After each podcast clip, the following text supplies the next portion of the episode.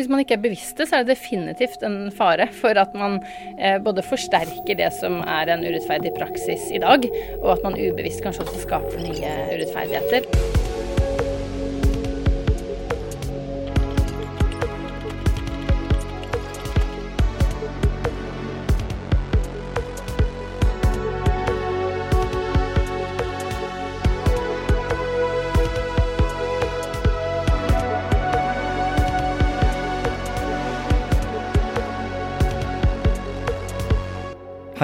Jeg heter Arild Oppheim og jobber i Datatilsynets regulatoriske sandkasse for ansvarlig kunstig intelligens. Et litt langt og kronglete navn, men poenget er at Datatilsynet ikke bare skal være et eh, politi som kommer med pekefingeren når noen bryter personvernparagrafene. I sandkassa skal vi være kreative og konstruktive, vi skal leke og lære, sammen med gründere og organisasjoner som vil utvikle KI-teknologi i tråd med godt personvern og her i Sangkasten for å høre hvordan det går.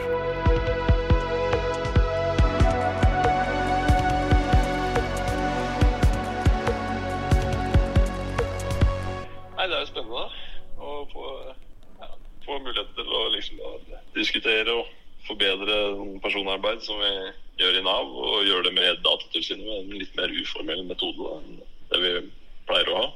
Her hører vi Lars Sutterud. Han jobba i Nav, og jeg ringte han like etter at han hadde fått vite at prosjektet han er leder for, var plukka ut til å delta i Sandkassa. I det prosjektet ønsker de å bruke kunstig intelligens til å forbedre oppfølginga av folk som er sykmeldte. Jeg ønsker å benytte maskinlæring for å predikere hvor langt et sykefravær kommer til å bli. Eh, og den prediksjonen skal legges inn som en del av beslutningsgrunnlaget som sykefraværsveiledere har, som skal bestemme om en sykemeldt har behov for et eh, dialogmøte med Nav. Ved første øyrekast så kan det høres ut som et ganske harmløst og kjedelig effektiviseringsprosjekt. Men vi skal huske at Navs budsjett utgjør en tredjedel av hele statsbudsjettet.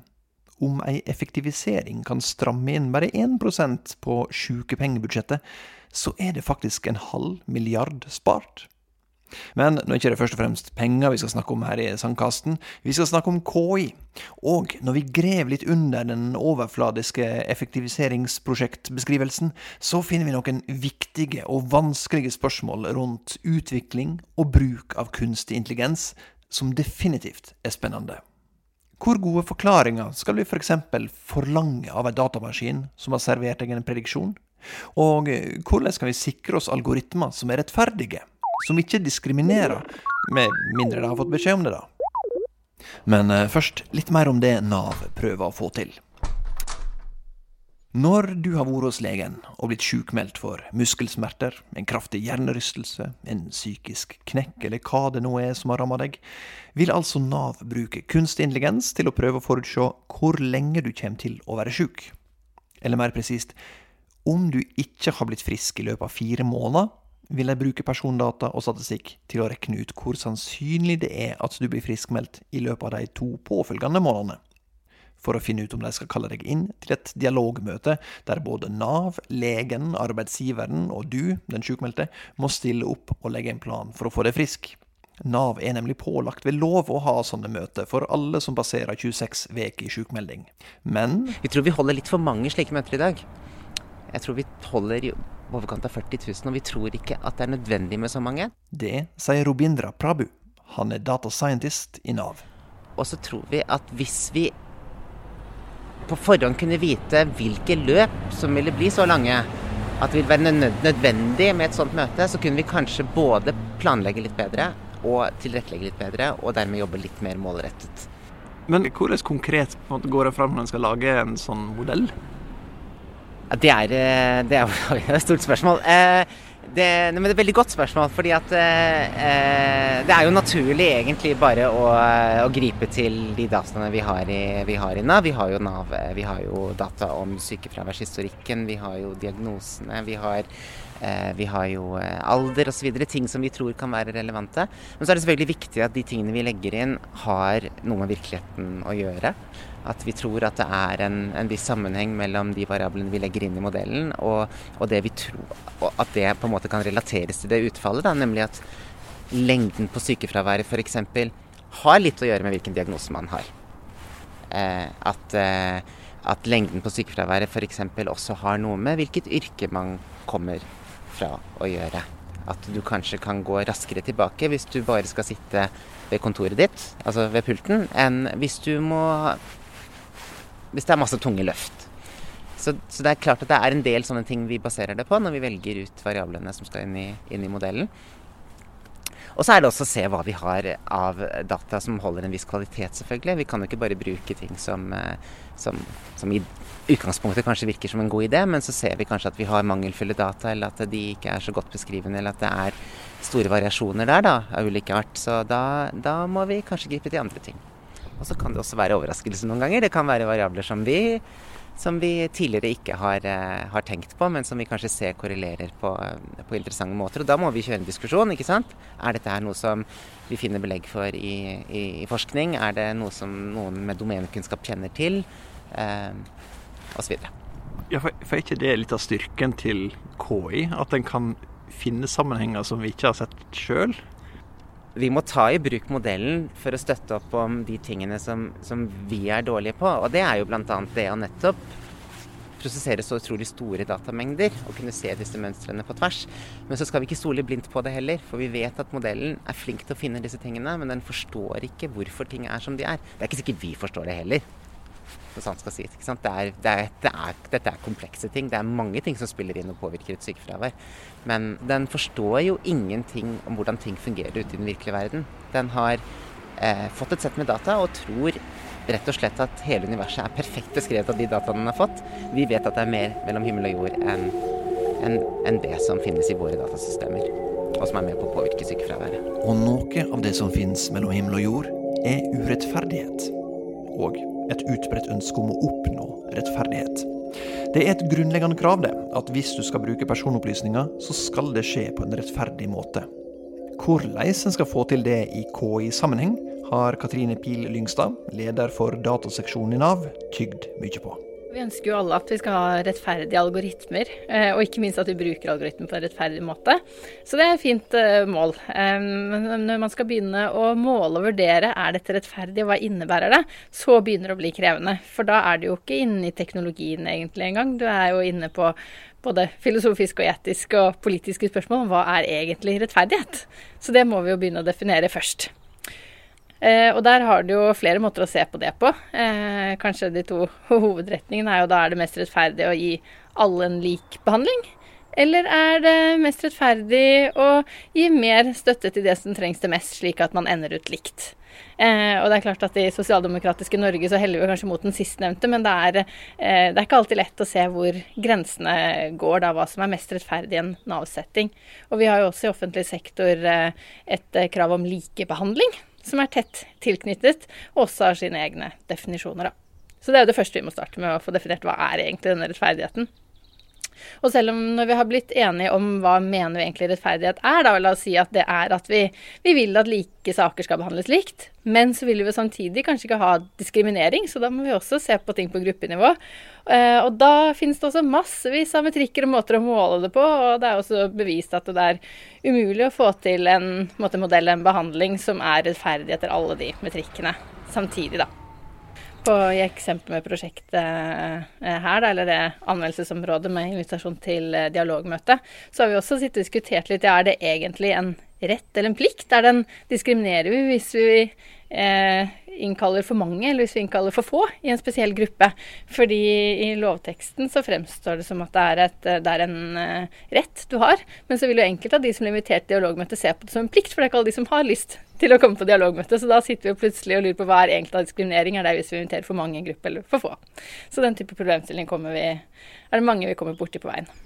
Men altså med, med så, såpass eh, si, filosofiske eh, spørsmål som hva er rettferdighet, hvordan kan en angripe sånne problemstillinger? Og bestemme hva som er rettferdighet en gang for alle, er eh, utfordrende.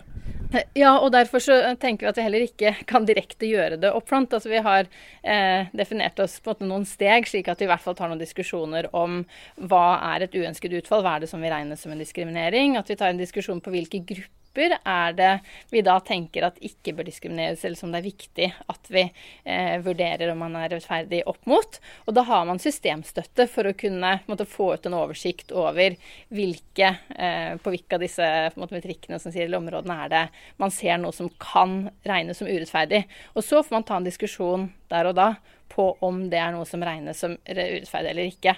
Eh, og jeg tror at når vi begynner å få trening i dette, både i Nav og andre steder, så vil det antageligvis, eh, forhåpentligvis, materialisere seg noen prinsipper som det går an å definere. Men der er vi ikke ennå. Det handler også om å få en økt forståelse og modenhet hos andre enn KI-ekspertene og teknologene på dette området. Så jeg tror det er veldig viktig å ha konkrete caser og prate rundt for å forstå eh, på, vi, på tvers hva vi egentlig mener, og hva vi mener er riktig. Men um, ja, forstår jeg det riktig hvis at det foreløpig er det et juridisk spørsmål, men etter hvert som en ser litt resultat, så kan det godt hende at det blir et større politisk uh, spørsmål og, sånn, å, å styre hva rettferdighet er?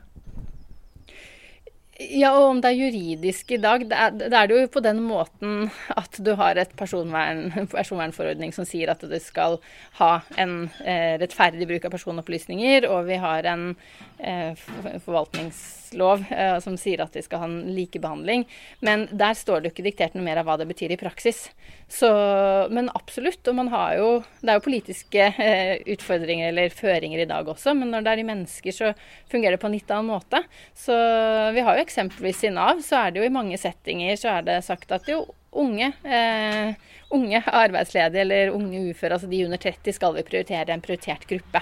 Det er den føring som er satt fra, fra politikerne og fra øverste hold. Og det samme er jo ikke noe problem heller å få til med algoritmene eller med anvendelsen av dem. da. Eh, men da må vi få en prat om hva de prioriteringene skal være, og om prioriteringene nå er der fordi man tror det er gruppen som trenger det mest, eh, fordi man ikke har disse algoritmene, eller man tenker at de skal prioriteres uavhengig egentlig hva algoritmene sier og hva sannsynligheten er. da. Så ja, vi kommer til å få, håper jeg, mer diskusjoner også politisk fremover om hva, hva er rettferdig. Det virker jo som et eh, vanskelig tema. Si, der eh, sunn fornuft som ikke nødvendigvis er eh, algoritmenes eh, sterke side. eh, har brukt å spille inn, men tenker du at tror du KI er et godt hjelpemiddel på vei til en mer rettferdig verden? Jo, det er jo begge deler. Hvis man ikke er bevisst det, så er det definitivt en fare for at man eh, både forsterker det som er en urettferdig praksis i dag, og at man ubevisst kanskje også skaper nye rettferdigheter. Men så lenge man er bevisste, og vi måtte måle det, vi diskuterer det, så har man eh, mange metoder for å sørge for at ikke algoritmene i hvert fall diskriminerer mer enn det man gjør i dag. da. Bevissthet og nøyaktighet, det er sentrale stikkord. Er vi ubevisste og unøyaktige med data vi putter inn i modellene og føringene vi legger inn i algoritmene, så vil den bare forsterke diskriminering og urett som har skjedd i alle år. Den vil konservere verden, ikke skape utvikling. Så skal KI kunne gjøre verden til et bedre sted, så må vi være bevisste på hvordan vi vil at verden skal bli, og vi må forklare KI-modellene temmelig nøyaktig hvordan endringer skal gjøres. Og denne oppgaven har bl.a. Robindra. Han er en av de som i praksis skal sikre at Navs modell for å predikere varigheten av sykefravær ikke diskriminerer på en urettferdig måte. Jeg bistår teamet med vurderinger av eh, hvordan denne modellen skal få lov til å gjøre feil. Eh, og hvordan vi skal forklare utfallene fra, fra, modellen. For kunstig intelligens er ikke feilfri intelligens, og uansett hvor gode algoritmer Nav snekrer, så vil de gjøre feil ut ifra hva som er intensjonen. Det er ingen av de som er 100 treffsikre. Eh, ønsker selvfølgelig å gjøre det så treffsikkert som mulig, men den kommer til å gjøre feil. Og det som da er spennende, det er å se hvordan er det den gjør feil, eh, og gjør den den samme feilen for alle. Og det vil den ikke gjøre. Den vil behandle ulike grupper litt ulikt. Og det er mange grunner til det. Eh, noen grunner har jo altså, det, er delvis fordi at datagrunnlaget nødvendigvis er, eh, er farget av prosessene våre osv. Det er sånne ting. Det, men det er jo også eh, et, et, og et komplekst samspill mellom yrker og sykefravær og, og, diagnoser og den type ting. Men så er det sånn at vi er jo ikke Vi er ikke, vi er, Vi er jo ikke like alle sammen. Så det betyr jo at Altså er det noen eksempler Altså er det noen som eksempler som den ser flere av, og så vil det være andre eksempler den ikke ser så ofte. Og bare i kraft av det, at det er noen eksempler som det finnes masse av, og noen som den ikke finner like ofte, så vil, så vil den gjøre feil på ulike måter. Og det vil treffe grupper ulikt. Så det jeg ser på, er jo hvordan er det vi kan være sikre på at når den da gjør feil, at den gjør det på en måte som ikke resulterer i usaklig forskjellsbehandling, urettmessig diskriminering. Vi skal jo forskjellsbehandle. Vi skal jo velge noen, og så skal vi velge bort de møtene som vi ikke tror er relevante. Men det skal ikke være slik at man uheldigvis eh, At kvinner f.eks. Har, har en lavere sjanse for å få et dialogmøte enn det menn har. Eller at unge har en lavere sjanse enn det eldre har. Eh, vi skal sørge for at, eh, at, vi, at, vi, at de som trenger det, faktisk får det. Og så vet vi at den kommer til å gjøre feil. Og det som er så spennende da, det er jo hvordan er det vi kan være sikre på at den da at den treffer, treffer riktig, eller gjør, gjør, den samme feilen overalt. Hvordan oppdager du en sånn feil, da? At det er ganske spennende. Fordi at eh, Og her føler jo jeg også at vi har en mulighet med den, denne nye teknologien. ikke sant? Fordi at ja, den gjør feil, men det gjør jo mennesker også. Eh, det som skiller denne modellen fra et system med saksbehandlere eh, En av de tingene som skiller den fra et sånt system, det er jo at den vi kan spørre den hvilken feil den gjør, og da må den være ærlig på det. Så det dette her handler om, det er å prøve å diagnostisere dette tidlig. Eh, og for å gjøre det, så må vi bestemme oss for hvordan vi ønsker at den skal gjøre feil. Og for å bestemme oss for hvordan den skal gjøre feil, så er vi nødt til å bestemme oss for hvordan vi ønsker å være rettferdige. Hva er det det vil si å være rettferdig? Hvem er det vi skal være rettferdige mot? Og det er ikke så lett. Vi kan gå til lovverket den tjukke røde boka, og så kan vi se hva som står der. Og der står det kanskje eh, noen ting. Av og til så gjør det det, av og til så gjør det ikke det. Vi har noen føringer fra lovverk, men det er ikke alltid de er krystallklare. Um, og så må vi da prøve å si hva, egentlig, hva var det som er lovens intensjon her? Hva er det man egentlig ønsket med, med, med dette opplegget her? Hvem er det Skal vi liksom Er det verst at noen som trenger det, ikke får tilbud om et møte? Eller er det verste at noen som faktisk ikke trenger det, får tilbud og må gjennomføre et møte? Hva er det som er verst? Og det kan virke som det er helt opplagt, ikke sant? Men det er ikke det. det, er ikke det. For det er, det er fordeler og ulemper på begge sider eh, av gjerdet her. Så vi må veie de opp mot hverandre, og så må vi ta et valg og så må vi prøve å basere det på lovverk. Og når vi har gjort det, bestemt oss for hva som er det verste som kan skje, så kan vi se på hvordan er det modellen oppfører seg i forhold til det målet. Og da er det bare å gå tilbake til, eh, til, modellen og matematikken, og da ser vi ganske tydelig hvordan den oppfører seg. Og da kan vi måle akkurat hvordan den, den oppfører seg i denne metrikken da, for, eh, for, disse gruppene. Det her, Foregår det her med si, prøving og feiling, justering underveis, eller går det an å på en måte forutse det før en setter i gang? Vi kan ikke vite det før vi setter i gang. Det kan vi ikke gjøre. fordi at eh, vi kan ikke vite hvordan modellen kommer til å gjøre feil før vi har laget modellen. Men det vi kan gjøre, og det vi bør gjøre, det er jo å Når vi nå først har laget en modell, og alltid sjekke før vi sjøsetter modellen, setter den ut i, i produksjon, setter den ut i systemet. Fordi at eh, da kan vi avdekke en del problemer før, før de kommer til uh, kommer ut i verden. Og Det som er litt synd, tenker jeg, det er jo at den muligheten som ligger der, den har man kanskje ikke brukt tidligere. Derfor har vi sett veldig mange eksempler den siste tiden på diskriminerende algoritmer osv. Jeg kan ikke si med sikkerhet at dette kunne vært unngått. Det, det, det, skal jeg ikke påstå.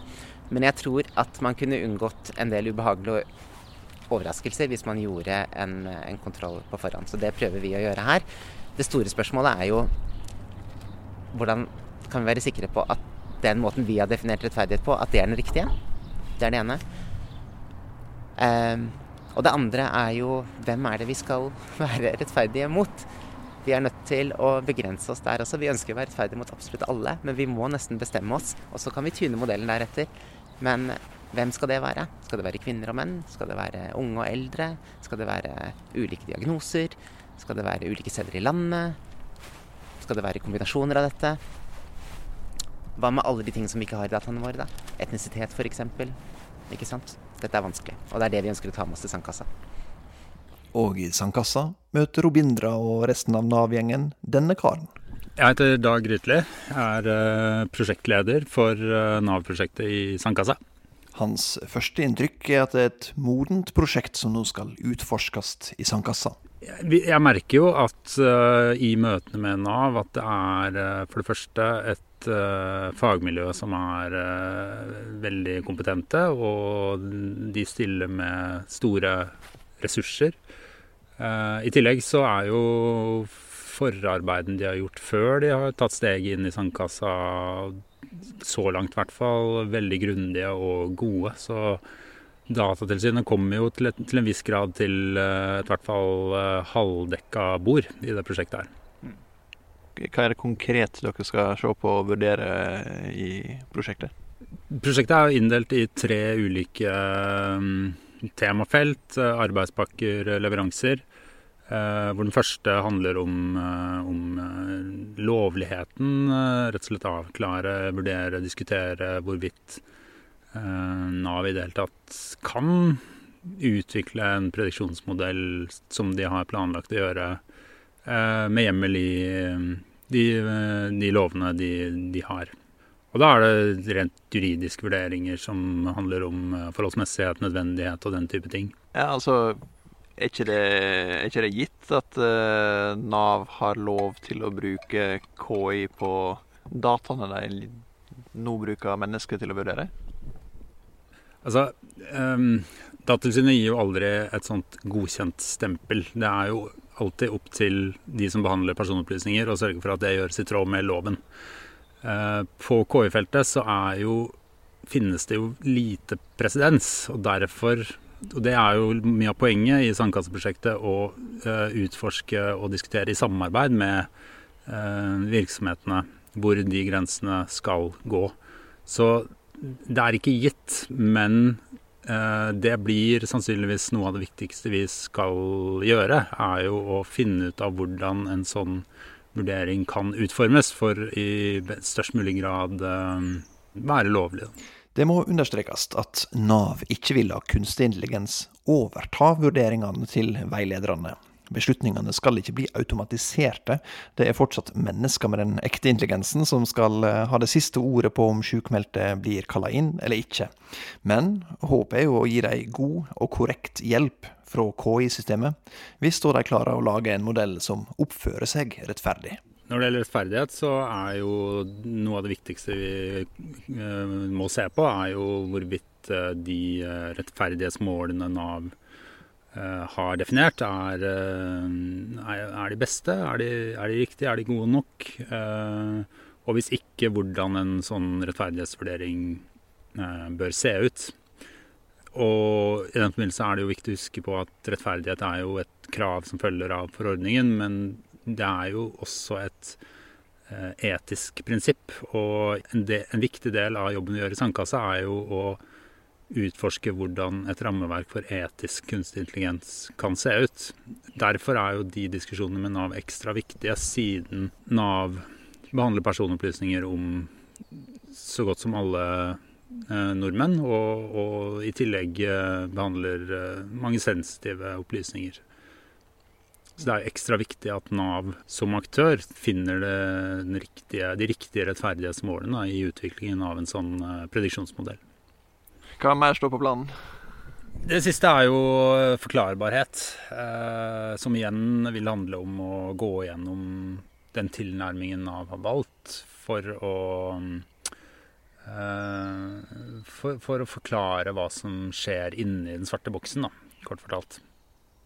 Og det handler om at de enkeltindividene som jo til syvende og sist blir eh, gjenstand for en form for profilering, eh, skal ha krav på å eh, få en forklaring for hvorfor de er valgt ut.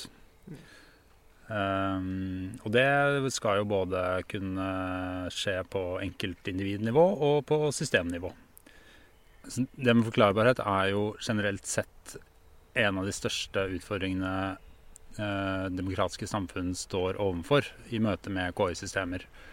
Og, og, derfor er det jo ekstremt viktig at vi i eh, et sånt sandkantsprosjekt faktisk jobber hardt for å så godt det lar seg gjøre, åpne opp den svarte boksen sånn at vi ikke ender opp med et system som eh, påvirker eh, enkeltindivider uten at noen kan forklare hvorfor og hvordan de gjør det.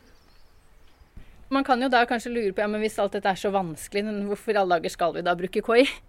Men eh, jeg tenker det er viktig å få frem da at det er så stor kraft i bruk av data, og KI brukt riktig, at jeg tenker vi er bare nødt til å utforske det. Og så rydder vi unna problemene på veien etter hvert som de oppstår. Så det er i hvert fall ikke en god nok grunn til å ikke starte og ikke prøve.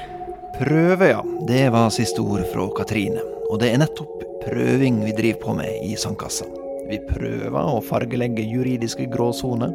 Vi prøver å løse teknologiske floker. Og vi prøver å få til personvernvennlig KI-innovasjon sånn at verden kan gå framover på en trygg måte.